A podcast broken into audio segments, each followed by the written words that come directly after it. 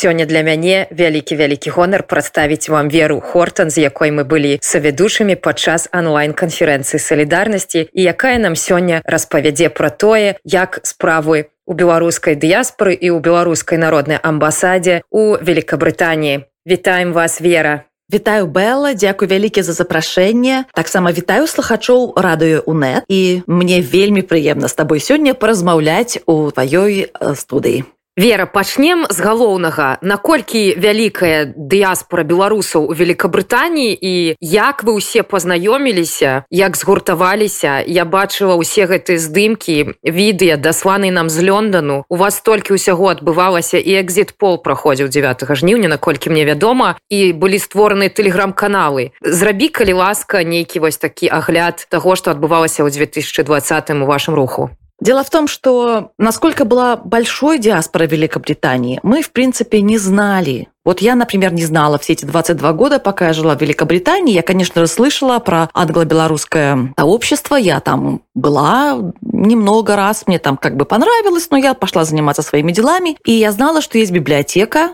библиотека Скрины, мы называем ее Скорыновка, в Лондоне. Очень интересное место, и тоже как-то я посещала пару раз, но как-то потом были другие приоритеты. Также в Лондоне есть Рада БНР, есть ее представители, но как-то тоже меня никогда это не интересовало до момента этого лета. Вот этим летом вдруг оказалось, что в Лондоне есть очень много белорусов, очень много сочувствующих белорусов, очень много людей, которые никогда не думали, что они на самом деле белорусы. И вся эта вот объединенная волна движения из Беларуси, она вот рикошетом как бы на нас как-то вот накатилась, и потом вот она, наверное, откатилась обратно в Беларуси. Вот она так накатывается волнами. То есть мы стали белорусами, мы стали чувствовать наше объединение чего раньше, конечно, никогда не было. Поэтому этот вопрос меня никогда, никогда не занимал. Но этим летом вдруг оказалось, что у нас только в, одной, в одном чате «Надея», вот у нас есть также вот «Суполка», «Надея», вот все эти объединения белорусов, а там около 700 членов причем достаточно активных людей. И оказалось, что в Беларуси вообще живет около, наверное, 5000 белорусов. Я как бы статистики особенно не знаю, но вдруг а, выяснилось, что белорусов достаточно много, и они готовы активно помогать белорусам. Так что это, в общем-то, ну, я бы сказала, область, которую нужно исследовать. Сколько же белорусов вообще живет в Великобритании, потому что мы только это начинаем для себя открывать. Ну, конечно же, различные селебрити, как называются известные личности в Британии есть, и они есть со времен еще э, Герцена, то есть очень много людей из разных э, потоков иммиграционных, из разных направлений, и все они как-то здесь сосуществуют. И, наверное, мы бы все вместе начали как-то встречаться, но, к сожалению, вот карантин нас заставил немного как-то вот сбавить обороты личного общения общения. Но сейчас мы опять выходим на большую дорогу, на финишную прямую. Мы снова все встречаться будем, конечно же. Очень хотим, во всяком случае. Поэтому, наверное, еще вот выяснится, какие еще а, известности, известные личности а, будут э, помогать белорусам. Чичваркина я, к сожалению, не знаю лично, но я знаю, что он как бы на нашей стороне. Вот все, что я могу сказать. Как это ни странно, очень много людей на самом деле на нашей стороне, но они пока что еще как бы пытаются понять, мы будем продолжать протесты или мы остановимся, что же все-таки будет. И как только они увидят, что мы продолжаем, что мы все вместе, что мы движемся, вот это их тоже заряжает, и они понимают, что такому движению нужно уделять внимание. Есть смысл в том, чтобы себя с этим движением ассоциировать, поэтому различные известности, различные известные личности, они будут к нам примыкать по мере нарастания нашего протестного движения и по мере нашей успешности. Вот я думаю, так, наверное, можно ответить на твой вопрос. Мне вядома, што ты прымала вельмі актыўны ўдзел у руху беларусаў замежжа і пасля ў стварэнні народных амбасадаў. Ці ты можаш нам распавесці ці ёсць нейкія асаблівасці па стварэнні народнай амбасады ў Великабрытаніі як яна функцыянуе што можаш узгадаць па руху ўсёй дыяспоры? Давай нагадаем слухачам як усё адбывалася насамрэч. Дело в том, что народная амбасада Это достаточно новое явление. Но что интересно в Великобритании, это в амбассаде, вот белорусском потоке объединяются сейчас разные поколения эмиграции. Люди, которые были здесь уже 30, 40, 50 лет. Они встречаются с новым потоком иммигрантов, с молодежью, с людьми, которые несут из Беларуси какие-то новые идеи, новые представления, э, несут какую-то энергетику новую. Опять-таки они несут понимание того, что же произошло в Беларуси за последние 26 лет. Потому что э, для людей, которые жили за рубежом, ну, скажем так, с 80-х годов, то, что произошло в Беларуси за 26 лет, эти изменения, которые привел с собой Лукашенко, кажутся чем-то из, из разряда, я бы сказала, ну, то ли фантастических, то ли немножко странных. То есть далеко не все понимают, что же все-таки в Беларуси происходило. Особенно из тех людей, которые, вот как я, не интересовались политикой практически вообще. И очень многие жили с ощущением, что раз белорусам нравится Лукашенко и их режим, то пусть, наверное, так оно и будет. Но сейчас все это меняется. И вот это новое понимание того, что мы упустили, того, что мы не досмотрели, того, что мы не поняли, вот оно как-то вот меня, например, эм, заставляет задуматься, и я чувствую какую-то свою вину в том, что я вот как-то не удержала страну от того ужаса, который сейчас происходит, что я как-то не помогала стране все эти 22 года, когда я была за рубежом. То есть, э, наверное, многих людей, которые жили за рубежом очень долго, сейчас мучают те же мысли. А может быть, я мог бы что-то сделать? А что ж я тогда ничего не сделал? А почему я ничего не сказал? Ведь мог бы сказать. Ну, это, наверное, то, с чем мы должны жить, и то, что мы должны сейчас преодолевать. Прадстаўнікі беларускай дыяспоры ў розных краінах рабілі шмат імпрэзаў, усялякіх выставаў, каб трапіць у сМ. Ну і канешне, пратэсты насупраць беларускай амбасады. Што самага цікавага адбывалася ў Лондоне ці Великабрытаніі наогул, таму што пратэсты праходзілі ў розных гарадах. Што ты магла б узгадаць пра то, як змянялася павестка, як Беларусь была ўзгаданая ў мясцовых СМ і ці былі, магчыма, нейкія слуханні па Беларусі ў парламенце Великабрытаніі. Дело в том, что в английских СМИ Беларусь, конечно же, освещается, и англичане прекрасно во всем разбираются, но они ассоциируют Беларусь э, с, со страной, которая находится под очень большим влиянием России, и, в принципе, многие англичане рассматривают Беларусь как путинскую колонию в какой-то степени. То есть они говорят, вот, ну, Беларусь – это колония России, а Россия энергетически Беларусь как бы подпитывает, вот Беларусь сидит на российской энергетической игле, и вся, так сказать, прелесть Лукашенко в том, что он, он является гарантом того, что деньги за энергетику будут приходить в Россию.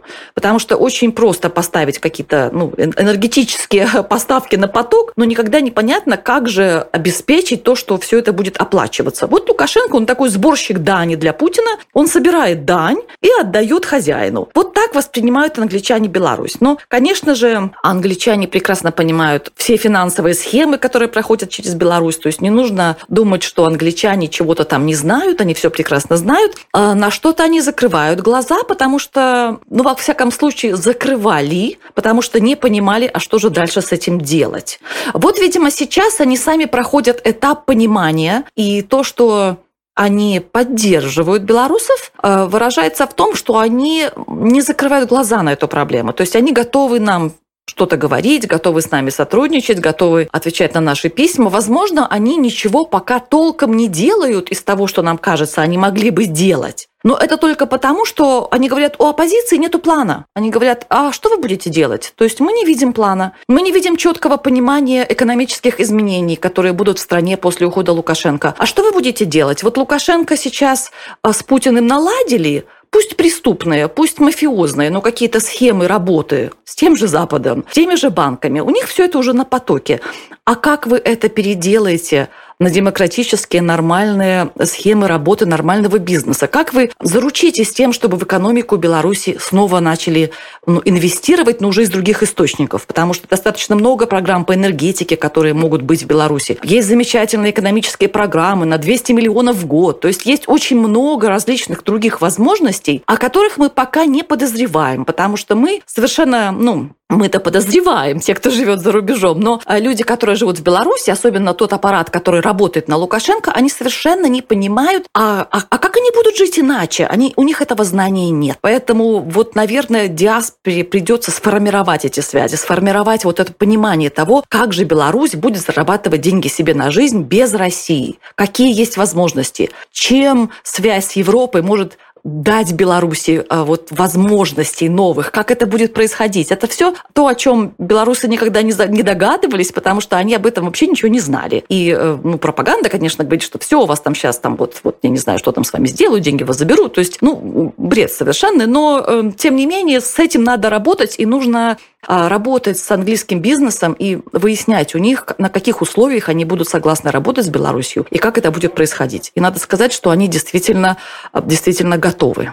Вера, я вымушаная падзяліцца з нашымі слухачамі інфармацыі пра тое, што ты стваральнік Bell Diaspora TV. Гэта адмысловы канал інфармацыі, праз якой мы разам з дыяспорай прасоўваем інфармацыю такім жа чынам як я раблю у маім пятнічным шоу жыве беларусь уначы з балай фокс. Вось распавядзі калі ласка ці плануюцца іншыя нейкія мерапрыемствы ў бліжэйшым часе? Як ты бачыш развіццё наогул гэтага руху? Ну і канешне што цябе натхняе што цябе вымушае рухацца наперад змагацца рабіць нейкі новыя праекты. Вельмі зараз цікаўлюся ва ўсіх сваіх гасцёў пра крыніцы іх натхнення. Вось што твоя крыніца Ну, дело в том, что, конечно же, очень интересными были женские марши для меня лично. Вот это движение женщин. И вообще э, женское лицо белорусского протеста меня очень сильно коснулось, меня очень сильно зацепило. И э, я просто не могу освободиться от той мысли, что я вот как, как я, я чувствую гордость, что я одна из этих женщин, что я вот эта женская энергия, белорусская, женская энергия, энергия жанчин. Вот это, это